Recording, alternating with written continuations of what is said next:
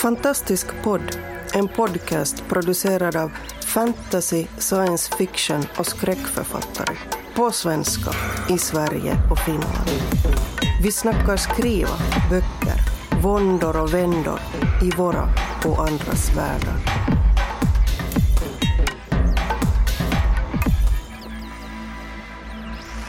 Hej och välkomna till Fantastisk podd. Idag är det Stockholmsgruppen som har samlats och eh, med oss idag är jag, Anders Björkelid och Boel Berman, Oskar Källner och Erik Granström. Och idag ska vi försöka prata om världsbygge. Eh, maskineriet bakom, vad är det du som författare vet som inte läsaren vet? Vad är det du behöver veta för att kunna berätta för läsaren och vad är det du vet som du aldrig behöver berätta för läsaren? Ungefär så. Eh, Erik, vill du börja och prata om eh, vad du vet om Trakorium? Ja, jo. Eh, jag skriver då romaner om Trakorium och jag, de kommer egentligen ur rollspel som då också utspelade sig i samma Trakorien fast då lite mer utvecklat. Och det lustiga är att jag har stött på rent konkret nu när det kommit ett nytt rollspel om Trakorien att de som spelar och spelledare vill hemskt gärna veta allting i detalj om hur allting funkar och var allting finns och så vidare. Medan jag som romanförfattare helst inte vill berätta mer än jag måste därför att jag kan plötsligt få ett behov av att vänta nu, jag skulle vilja gå tillbaka och ändra det här eller lägga till det här på en plats. Eh, och då gör jag naturligtvis som jag vill så att då säger jag inte så mycket. Då blir de lite småsura men det får de ta. Men det är helt rätt. Men, men då är frågan, berättar du, för att du inte, berättar du inte för att du inte vill att de ska veta eller för att du inte vet? Eh, både och. Men framförallt är det nog för att jag inte vet. Men det är inte så att jag så att säga, ställd känner ändå då, utan på något sätt måste man bli... Min erfarenhet då är att man måste bli street smart med kartor och världar att, så att säga, bygga på det på ett sätt som hela tiden går att bygga ut och eh, anpassa. Och jag tror jag sagt det tidigare i något avsnitt där att en väldigt bra grej är att säga att det påstås att det är på det här sättet. Men ingen mm. vet riktigt. Och då är det inte alls säkert det så. Så att det gäller att vara listig helt enkelt. Och, och, ja. Men då måste jag fråga hur ni känner inför kartor eller inte kartor? Mm, jag tänkte precis det. Det är ju det intressanta där på något sätt. Ja. Uh, för kartor är ju väldigt definitiva på det sättet. Jag har haft kartor i alla mina fyra um, böcker om berättelsen om blodet. Uh, och uh, ganska detaljerade kartor också. Så där var jag lite kallsvettig ibland. Men, men, men, en väldigt viktig sak för de tryckta kartorna, jag hade ju egna kartor som jag, hade, som jag inte visade. Men de tryckta kartorna de försökte jag alltid tillverka och trycka så att de skulle, jag skulle kunna motivera att de ser ut som de ser ut i, i den världen. Och då kanske det inte är helt exakt eller representativt nej, eller kartritaren kanske har gjort precis. fel. Det, och, och, eftersom det är, jag menar, det är ju en, en, en äldre kartografisk process givetvis kanske en teknologisk nivå på max 1700-talet så man kan ju tänka sig vissa brister i den. Eh, och givetvis också politiska propagandistiska skäl till att göra vissa förändringar. Så att jag hade alltid den där eh, brasklappen med mig att jag har tryckt en karta men det kan ju hända att det här bara representerar en viss syn fin, Finns det sådana här okända zoner där det står så här “Here be monsters”? Nej, jag försökte inte göra det. Jag tycker det är väldigt sällan man ser det på äldre kartor. Det är snarare så att man då ritar dit någonting som man inte fattar vad det är för något. Så jag ritade lite olika figurer som gjorde lite olika saker i olika hörn som skulle kunna betyda någonting. Som jag inte var helt säker på själv. um, om man tittar liksom på 1500-talskartorna till exempel så är det ju snarare så att man, man dekorerar alla hörn Mm. Eh, snarare än att, det är ju, lite senare så börjar det bli tomt när man är väldigt intresserad av det korrekta. Men innan dess Vadå, inte terra incognita liksom. och vitt liksom? Det, det, ja, men det, det är ju en sån här upptäcktstidstanke tycker jag snarare. Liksom 1500-1600-tal före det så är man ju kanske mer intresserad av kartor i någon sorts propagandasyfte. Titta vad mycket vi vet eller titta vad bra det här området är eller någonting sånt. Så att um, det försökte jag utnyttja snarare. De där att, att eh, kartografen gärna vill framstå som mm. kunnig snarare än korrekt. Mm. Oskar, hur känner du för kartor? Alltså min fantasyserie utspelar sig ju i Sverige på tidigt 1800-tal. Vilket innebär att då har jag ju en uh, ganska bestämd mm. geografi att förhålla mig efter, nämligen uh, den riktiga.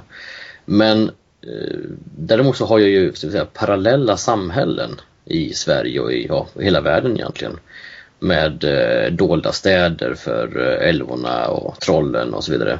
Så jag har ju en eh, idé om var någonstans de här eh, städerna och de här samhällena finns. Men jag har faktiskt inte ritat ut och liksom satt upp att ja, men här, här ligger liksom Älvornas stad mellan eh, de här två skutorna nära år liksom. Utan, Fast det kanske är bra. Det kanske skulle förstöra magin om du tänkte exakt vad de var eller någonting. Alltså det gör ju ingenting om jag vet exakt vad det är så länge som uh, ingen annan vet det. Jag skulle aldrig någonsin uh, sätta en sån exakt geografisk uh, position uh, på något av det här. Men, men Tänker nu, jag då, inte i alla fall. Ja. Då, då, då kommer jag att tänka på det här liksom åt andra hållet, det här fördelen med att ha en exakt eh, geografisk position. Du, både du och jag, Boel, har ju skrivit eh, saker som utspelar sig i faktiska städer. Eh, jag har skrivit om Uppsala och du har förstört Stockholm. Ja, fast jag beskriver miljöer så lite så att eh, just, i många fall skulle jag bara kunna byta ut Alltså nästan byta ut plats. Ja, så du, du, tycker inte det specifika där bidrar med något? Jag har gjort specifika, men då handlar det oftast om enstaka byggnader. Typ att jag, jag, jag kan berätta att eh, jag har en novell som heter Kolingsborg där först så trappan och festlokalen och lilla dansgolvet och det stämmer ju. Men att det mm. finns eh, flera våningar under och en stor källare med ett monster under kanske ni inte visste. Nej, det, det är inte så. Jag har inte lagt märke till. Nej, men det, den är där. Kommer fram när Slussen Ja. men, men jag har ju skrivit eh, noveller som utspelar sig i Stockholm. Eh, postapokalyptiska versioner av Stockholm. Dels den här eh, Vägen till stjärnorna för en massa år sedan som utspelar sig nere i tunnelbanesystemen. Eh, och dels också eh, nu nyligen Stockholms drottning som utspelar sig i ett Stockholm som har typ, tagits över av drakar och dvärgar och alver och allt allsköns väsen. Uh, och där får man ju följa när uh, huvudpersonen då liksom vandrar igenom ett förändrat Stockholm och även utanför Stockholms gränser ute i uh, den mörka zonen. Jag vet inte, jag tror att jag, jag tänker på Stockholm som, jag tänk, som Erik nog tänker om Trakorien. Alltså, det är en hittepåplats, lite som Arvid Lindqvist bygger ju Nej, men Arvid Lindqvist bygger upp sitt Stockholm och plockar delar. Och det är väldigt många författare som gör det. Ja, det är säkert någon som kommer genomskåda mig och bara haha, så där ligger det inte. Eller där finns det ingen bro eller så. Men, men jag vet inte, jag tror att jag behandlar det lite som ett, ett annat, en annan värld. Alltså jag har varit väldigt noggrann med att följa på kartor. När jag skrev den senaste Stockholms drottning då tittade jag till och med på, jag gick omkring med Google Maps, gick på gatorna för att se var man mm. passerar och sådär för att få in allting så exakt som möjligt. Sen att det spelar omkring svartalver. Du och eh, Anders Fager behöver ett samtal. Grejer. ja men, men, det, men, det, men, men det är ju det som är det roliga, just att kunna sätta ex, så exakta detaljer som det bara går och sen eh, överlappa det med det helt galna. Eller så vaga att de passar in ändå. jag, jag hade en fråga till dig där Erik faktiskt. Shoot. Eh, för jag tänkte att, att jag är också väldigt förtjust i det här exakta på det sättet att det, det är en väldig fördel om jag beskriver att domkyrkans båda torn i Uppsala, att det händer någonting med dem. Då, då finns det ju väldigt mycket resonans som jag kan få hos läsaren om de känner till det. Eller så kan de ta reda på det själv och, och få någon sorts resonans där. Men, men när man skapar en helt eh, ny värld från scratch eh, behöver man förhålla sig annorlunda till kronolabet i, i Trakorien än domkyrkan i Uppsala på det sättet. Ja. För att, Ja. Som en parentes, jag, tänker, jag, jag planerar att skriva en roman från Uppsala. Vi får mer prata mer om det. Men din fråga här om så är det ju så här, jag har ju en ganska exakt så där, landskarta över hela landet. Men egentligen så uppstår platserna först när jag beger mig dit för att skriva om dem, förstår du? Mm. Så att, jag har aldrig egentligen sett det som en belastning därför att jag vet egentligen inte vad som finns där. Jag har ju en aning då, ungefär som man vet sådär, som man vet om länder som man inte har besökt ännu. Va? Men sen när man åker dit, då visar det sig här luktar det, här är det här och här springer folk omkring och gör det här. Så att, så att platsen skapas ändå, fast jag har en väldigt detaljerad landskarta så skapas varje plats när jag egentligen kommer dit i berättelsen. Så det hade, jag hade liksom känt det som en belastning att jag vet för mycket om den här platsen. Va? Däremot vill folk få mig att säga saker som jag kanske inte vill säga för jag vill ha lite frihet när jag väl kommer dit i berättelsen. Då kanske jag behöver lägga in det här och så vidare. Så det är mer på den nivån för mig. Så det, det förtar så att säga inte någonting av fiktionen riktigt. Fast jag har en ganska detaljerad karta då. Eh, Men tror ni att det blir någon skillnad i, i eh, hur man närmade sig i, i sitt eget författande sen när man skriver det? Eh, finns det en risk att man brer på för mycket detaljer i det påhittade för att få det att verka verkligt? Eller är det tvärtom att det blir för mycket detaljer på det verkliga för att man har dem tillgängliga? Det kan nog vara en risk att det blir för mycket tror jag. Det, det, Och det kan- vilket, vilket håll? Det också, ja. Jag hade fa- faktiskt, när jag började skriva första delen i den här serien så hade vi planen. Jag hade till och med lagt ut ett uppdrag till en person att rita en portolan snarare än en karta. Ni vet sådana här äldre kartor som var vita utom där man hade varit. Så att Ja, portolanen var ju som en kustremsa ofta där det var Ja, lite som, landet. som tv-spelskartor kan vara. Där man upptäcker det. Mm. Ja, just det. Man- Ultima Underworld. Ja. Och min tanke var då att den skulle börja i Trakorien och sen skulle det bli mer och mer fel ju längre bort man kom. Mm. Det, det genomfördes aldrig det projektet av olika skäl utan det blev en ganska exakt karta ändå. Men det tyckte jag var ganska tilltalande. Mm. Och det styr naturligtvis ens fantasi som författare hur man gör det där tror jag. Mm. Absolut. Ja, gud, eh, det var ju Maria från Fantastisk podd. Hon hade ju en föreläsning på Fantastica. Eh, som var jättespännande. Men där hon just sa så här att hon hade undvikit kartor väldigt mycket. Och sen hade hon kartor i någon bok. Och nu höll hon faktiskt på att diskutera huruvida hennes nya bok skulle ha eller ej. Just därför att det det finns en sån risk att man liksom plötsligt går någon för nära den där äppellunden och så finns det bara en äppellund på hela, Mm. på hela Mm. ön. Ehm, jag älskade ju kartor när, när jag var barn. Alltså när jag läste typ Eddings eller ja, vad det nu var. Ehm, men samtidigt nu i efterhand kan jag nästan önska att jag inte, de inte hade haft kartor. För då hade nog världen sett annorlunda ut i mitt huvud. Det, det är ju någonting som hon beskrev just Maria på, på ett seminarium då på Fantastica. Um, säger jag rätt? Heter det Fantastica? Jag tror det. Ja. ja. Eh, så så hon, hon såg sig själv som en utforskare i sin värld. Hon började ju gärna med en person eller en scen. Och så eh, började hon berätta om den och så märkte hon liksom successivt vad hon behövde runt omkring den och så la hon till detaljer. Eh, och med, sånt, eh, med ett sånt inifrån perspektiv blir det ju väldigt, väldigt konstigt med en. Eh, och börja i de stora dragen också. Eh, och Absolut, då men man kan ju välja du kartor bygger- retroaktivt. Ja, när man precis. vet mer. Och det är väl där hon står och väger nu då. Men det är ju portolanen man bygger där och på något sätt. Eh, Steg för steg. Ritar ut sina kuststräckor på något sätt. Alltså, jag, har, jag har ju den här väldigt exakta kartan då men samtidigt tilltalas jag av det som i så fall Maria sa att Mm. utforska världen allt eftersom. Men det ena utesluter inte det andra. Det är det jag Nej! Förstår du? Att, att, Nej, vet, precis. staden, nu kommer vi i den här staden, de kanske utspelar sig tre kapitel i den staden. Den har varit en prick på kartan hittills. Det är nu den blir verklig när vi börjar prata om den. Mm. Så, så jag tycker inte det, det blir snarare det här skelettet som det är lättare att hänga upp det på tycker jag. Så att, eh, men men jag, jag instämmer med henne i, i stort sett där. Men sen så, om, om vi bara lämnar så här fantasykartor för ett ögonblick och eh, går ut i världsrymden. Och, så jag, har, jag håller ju på med eh, ett litet projekt där jag skriver noveller och även min senaste eh, bok Stormvinge utspelar sig i ett gemensamt eh, SF-universum. Som jag utvidgar lite grann eh, bit för bit sådär. Och där så kände jag att jag ville liksom ha koll på, kanske inte så jättemycket rent geografiskt, jag har liksom mer kartor över Vintergatan, hur olika eh, säga, eh, imperier och fraktioner, eh, var de håller till någonstans där. Däremot så vill jag liksom ha koll på det historiskt. Så jag har ganska god koll på de första 10-100 000 åren sådär i eh, eh, stora drag i, i alla fall vad som händer. Det blir mer och mer suddigt ju längre in i framtiden man kommer. Men eh, första 10-15 tusen år har jag ganska god koll på. Och det tycker jag är väldigt kul. Därför, då, då, då kan jag slänga ut små detaljer här och var, ge hänvisningar här och var. Och sen så kan man liksom fläska ut de här små detaljerna i en annan berättelse någon annanstans eh, vid tillfälle. Eh, successivt kartlägga de här i tiden. Men det här var ju intressant på ett helt annat sätt.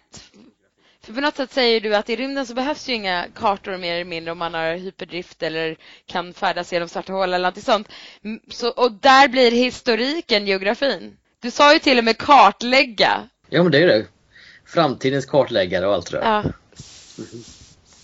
Men om vi, om vi vänder tillbaks till det här vi sa i början då om, om eh, vad man säger och vad man inte säger. Har ni några favorit eh, metoder för att, att levandegöra omgivningen, miljö, världen. Liksom. Hur, hur mycket ska man ska sippra ut till läsaren? Och vad är det man väljer att låta sippra ut? Om man, liksom, vilka detaljer är viktigast?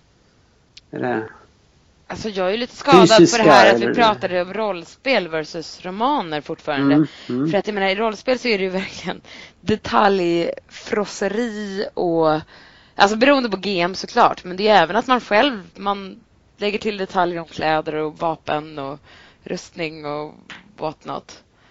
Eh, och det är ju sånt man absolut inte vill ha i böcker och oftast är det illa skrivna fantasyböcker som har extrema nivåer av detaljer. Oviktiga detaljer ska jag säga.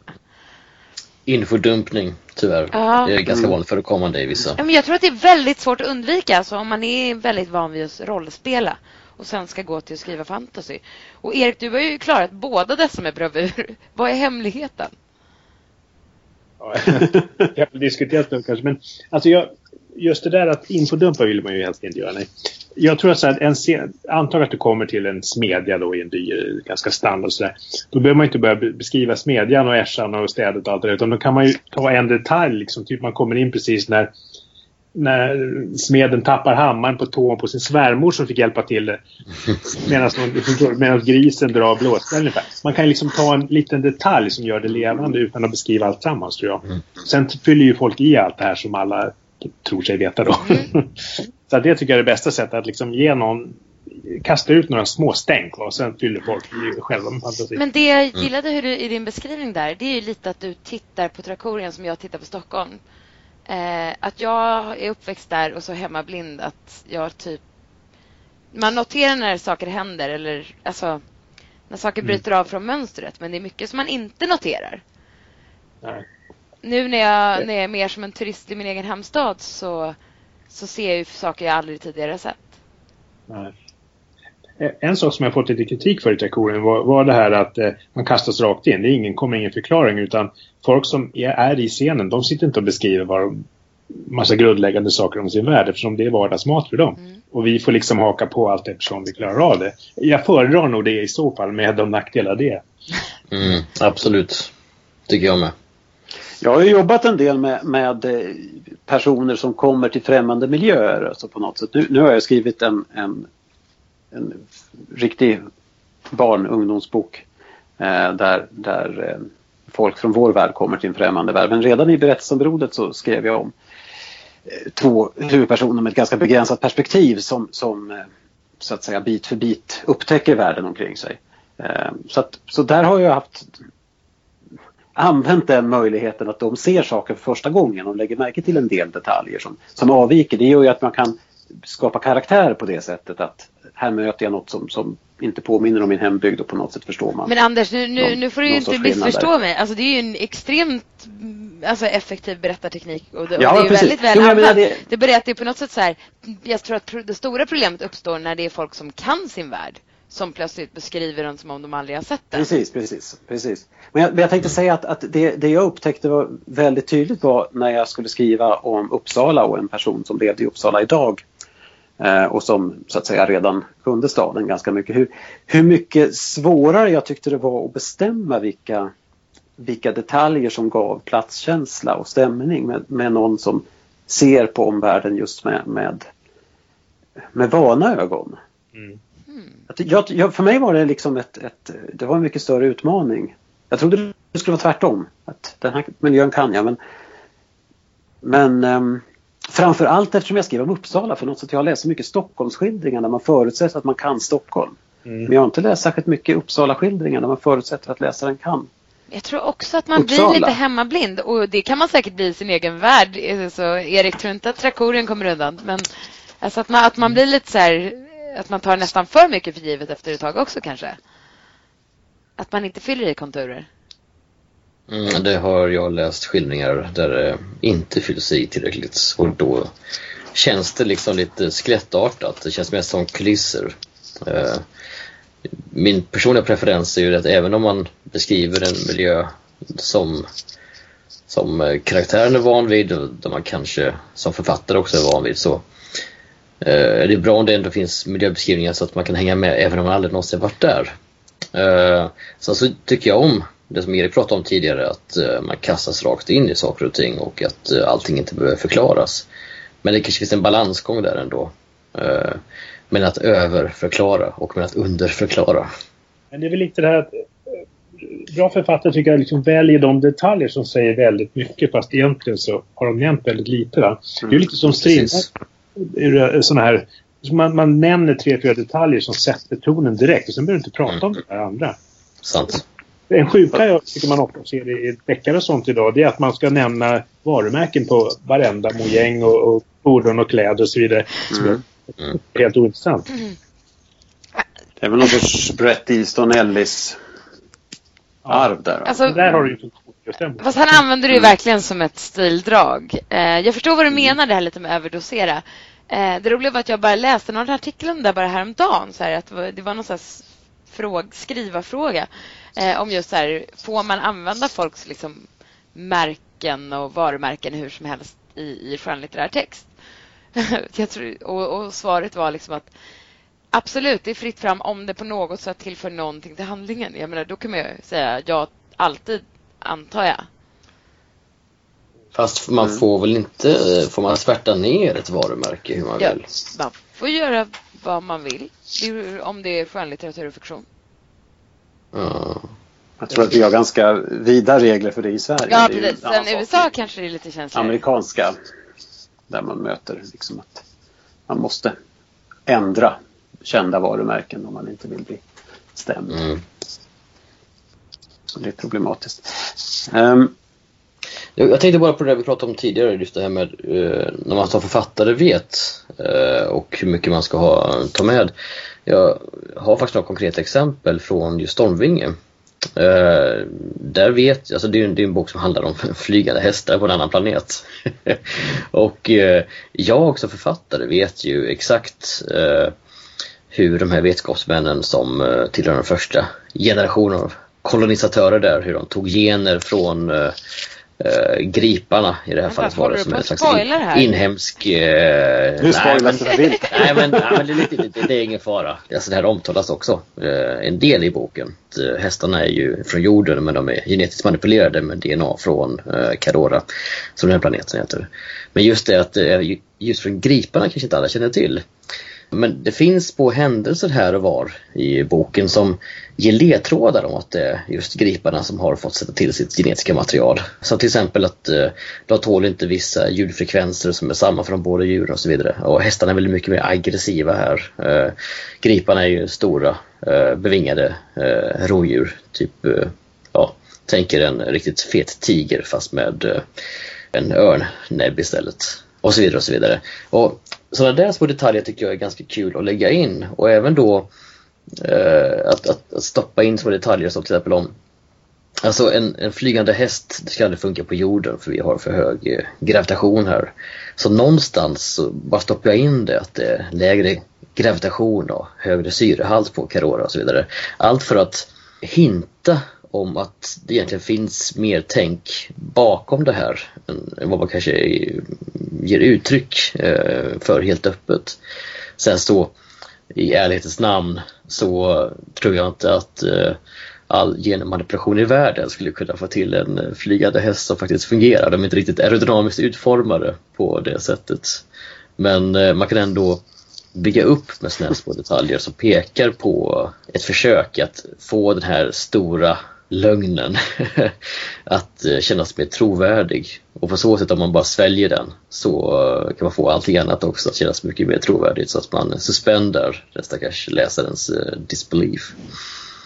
Det är inte en lögn, det kommer gå att ordna. Vi får inte se. På en asteroid någon gång, kanske. fast 0,2 G kanske. Men, men där kommer vi ju in också på, på eh, någon sorts underliggande metafysisk världsbygge. Det, där tycker jag att eh, för mig är det, är det det som känns viktigast att inte... För jag vill gärna känna till hur världen fungerar rent ja, st- storgeografiskt och klimatzoner och men även liksom hur magi, om det finns övernaturlighet eh, om det finns andra fysikaliska förutsättningar. Jag vill gärna känna till sådana saker. Men de vill jag verkligen inte berätta för läsaren utan det här är verkligen något som jag vill ska, ska visas. Det ska vara en fundamental del i, i, upplevelsen av att möta den här världen. Du som författare vill inte bli överraskad när någon börjar slänga eldbollar? Nej, nej precis. Där vill jag nog faktiskt redan ha förstått hur, hur det fungerar. Okay. Så, att det, så att det blir någon sorts konsekvens i, om någon annan slänger, slänger vattenklot, att det faktiskt är så att det, det, borde fungera. Men, men där tycker jag verkligen man kan förstöra mm, rätt mycket om man, om man i detalj berättar den biten. Mm. Eh, det där är ju verkligen en smaksak. Eh, om man går tillbaka till våra kära gamla Tolkien till exempel så upplever jag i alla fall hans texter som väldigt så här, allt med magi och det övernaturliga väldigt mystiskt. Man får liksom aldrig några riktiga förklaringar på dem. Man vet inte riktigt varför Gandalf ena sekunden uh, verkar uh, alldeles übermäktig och andra sekunden sitter han uppe i träd och kastar brinnande kottar på vargar. uh, och allting som har med, med magi att göra är ofta liksom bortanför någon slags slöja som man inte riktigt kommer åt. Å andra sidan så har vi moderna författare som Brandon Sanderson som bygger enorma invecklade magisystem och bygger dem så pass detaljerat att magisystemen som sådana och dess logik är ofta en, en del i här, slutlösningen av själva plotten. Vilket han ofta gör ganska snyggt faktiskt. Men, men det finns liksom nästan inget magiskt eller mystiskt kvar överhuvudtaget utan det kunde lika gärna vara eh, science fiction. Magin är så förklarad att det nästan är vetenskap? Ja men det är vetenskap mm. i hans böcker nästan. Ja, nej, då, då föredrar jag nog när, när alltså jag gillar ju nästan när science fiction är magi. alltså, så, alltså, du vet, jag kan tänka mig att det är jag kan tänka mig att det, är, att det finns en teknik bakom men eftersom jag inte förstår den så är det magi. Tillräckligt avancerad teknologi är uh, inte åtskiljbar från magi. Ja men ni vet med teknologipräster och, och sånt som tillber maskinerna och oljar in dem så att de fortsätter så att vi kan fortsätta dyrka gudarna och sådär. När jag, jag skrev lite när jag skrev om magi så läste jag bland annat Paracelsus då, som var läkare så kallad och vetenskapsman på 1500-talet. Och eh, även har läst om matematikens tidiga, alltså tror jag 1600-tal och sånt, när man hade liksom lösningar på problem och teorier som man inte berättade för andra för det här var liksom min grej som min yrkesämne. Så hade man tävlingar till och sånt. Den där eh, tycker jag är ganska trevligt när, när liksom det finns en massa olika modeller och ingen vet riktigt vad som är sant utan så här mm. tror det funkar inom det här området och så vidare. Ja, ganska mystiskt. Alltså även vetenskap var ju mystiskt på den tiden. Kom igen, vetenskap är fortfarande mystiskt. Ja, Ja, men jag dras nog också till den, den möjligheten. Det är det jag menar med att, att själv känna till någon sorts form av åtminstone skissartad grundläggande struktur för metafysiken. För att då, då, då, är det lättare att bygga de här modellerna och teorierna. Och, och behålla mystiken för läsaren då? Ja, men också skapa konflikter i, i hur man tolkar Mm. Är det här väsendet eller den här kraften, är den destruktiv, är den ond? Men om jag själv vet att det finns liksom olika sätt att se på det så, så, kan jag ju ha andra sekter eller grupper som säger att den inte är ond och det finns liksom goda skäl för det. det finns. Mm. Eh, och det, det, det, skapar ju liksom en, en del i, i skapar ju liv och möjligheter till, till intressanta berättelser på samma gång tycker jag. Jag har upptäckt hos mig själv att eh, mitt eget perspektiv på livet även förändrar min syn på vissa böckers metafysik. Alltså, eh, jag släppte eh, Dragkornet och Skogens hjärta eh, 2011. Det är fem år sedan. Sen så har jag eh, skrivit från och till på tredje delen. Tanken var att den skulle komma ut för länge, länge sedan. Men det har varit barn och annat emellan. Eh, och jag har kommit på mig själv med att inse att nej, men jag håller nog inte riktigt med om det här längre. nej, jag tycker nog inte sådär mer. Nej, det är nog, det är nog så här istället. Så har jag insett med mig själv att nej, men vissa bitar av metafysiken ändrar jag nog så får jag nog helt enkelt tolka om vissa grejer som skedde i ettan och tvåan. Eh, en, fiktiv, en fiktiv troskris alltså? Eh, Nya vetenskapliga upptäckter som lett till ett reviderat system. nej, men, men snarare så att de brukar ju säga det att om man läser en författares texter så, så får man reda på vad författaren egentligen tycker. till, till, och det kan vara överraskande till och med för författaren själv. Det kan jag faktiskt köpa. Jag tror vi gömmer saker för oss själva också. Jo, men jag tror absolut att det är så. Och, och eh, just då när man, eh, alltså mycket kan hända i en människa på fem år. Eh, och mycket kommer att hända om fem år igen. Och jag är ganska säker på att, för, det här är en, jag har, jag har faktiskt tänkt skriva typ åtta delar totalt så det är bäst att jag får lite fart på det här nu så att jag vet inte går att dö innan den är klar.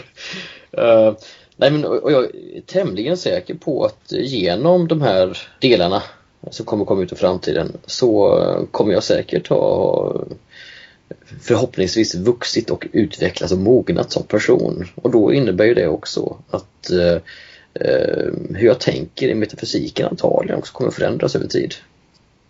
Talar det emot att man ska skriva långa serier för att man ändras som författare? Det kan det faktiskt göra. Mm. Eller också är det ett stort argument för. Fast världen kan ju också ändras. Jo, men om du tänker tolken lite då återigen, där Bilbo och sen Sagan om ringen så är det ju ganska olika på något vis, tycker jag. Alltså det är ju en distinkt skillnad mellan dem i ton. Jag tänkte på Narnia nu. Där är ju också väldigt skilda, men där kan de ju alltid göra det här att de var borta så pass länge att så mycket har förändrats i världen i och med att han har här tids, tidsskillnaden. Vilken bok var det? Narnia, alltså Narnia-serien. Där är det till exempel att de har bara varit i, i vår värld i några månader och det har gått liksom hundratals år i den andra världen. Mm. mm. Så man kanske alltid borde lägga in en sån klausul. Men det är, ju, det är ju precis som du säger med tolken att det finns ju en, en sorts skillnad i ton mellan de böckerna också. Det är skillnad vad som, vad som känns möjligt i de olika. Det är ju nästan som olika världar mellan Bilbo och ringen på det sättet. Um, grejen är väl där hur man ser på fantastisk litteratur i sig, hur man ser på världar. Är det så att vi, det viktiga är den här immersion-biten, att vi ska tro att den här världen finns på riktigt och den ska vara den ska, när vi återvänder till den så ska den bete sig på samma sätt, vi ska möta samma lagar. Eller är det okej okay att, att se det som en litterär konstruktion som, som är organisk och förändras? Ehm, jag, jag, tror ju att dagens läsare lutar lite mer åt det här att de vill ha den här George R. R. Martin som gärna inte ska ha fel, som har personer i Sverige som faktakollar sig själv så att mm. han, han, inte snubblar och motsäger sig själv någonstans. Medan jag skulle ju tycka, jag tycker det är roligare egentligen när någon återvänder till en värld och skapar om den. Nytolkar alltså, den. Även jag gillar ju faktiskt när saker och ting hänger ihop. Jag ska nog erkänna som den arkitekt jag är. Jag är inte så mycket utforskarförfattare, jag är ju mer arkitektförfattare. Att även jag vill att allt ska hänga ihop och det ska inte motsäga sig själv. Däremot så kan man i senare böcker omtolka tidigare händelser i nya perspektiv. Och det är inte samma sak. Och det där var mest uttryckt. Och det tycker jag att vi lämnar lyssnarna där. Och så kanske vi avslutar här. Någon som har några smarta sista ord? Kom igen. Ska vi göra en, en, en sentens som, som slutar? Jag skulle vilja säga att, att en person som på ett fantastiskt sätt lyckas med att både förändra, utveckla sin värld och, in, och bevara den inre logiken.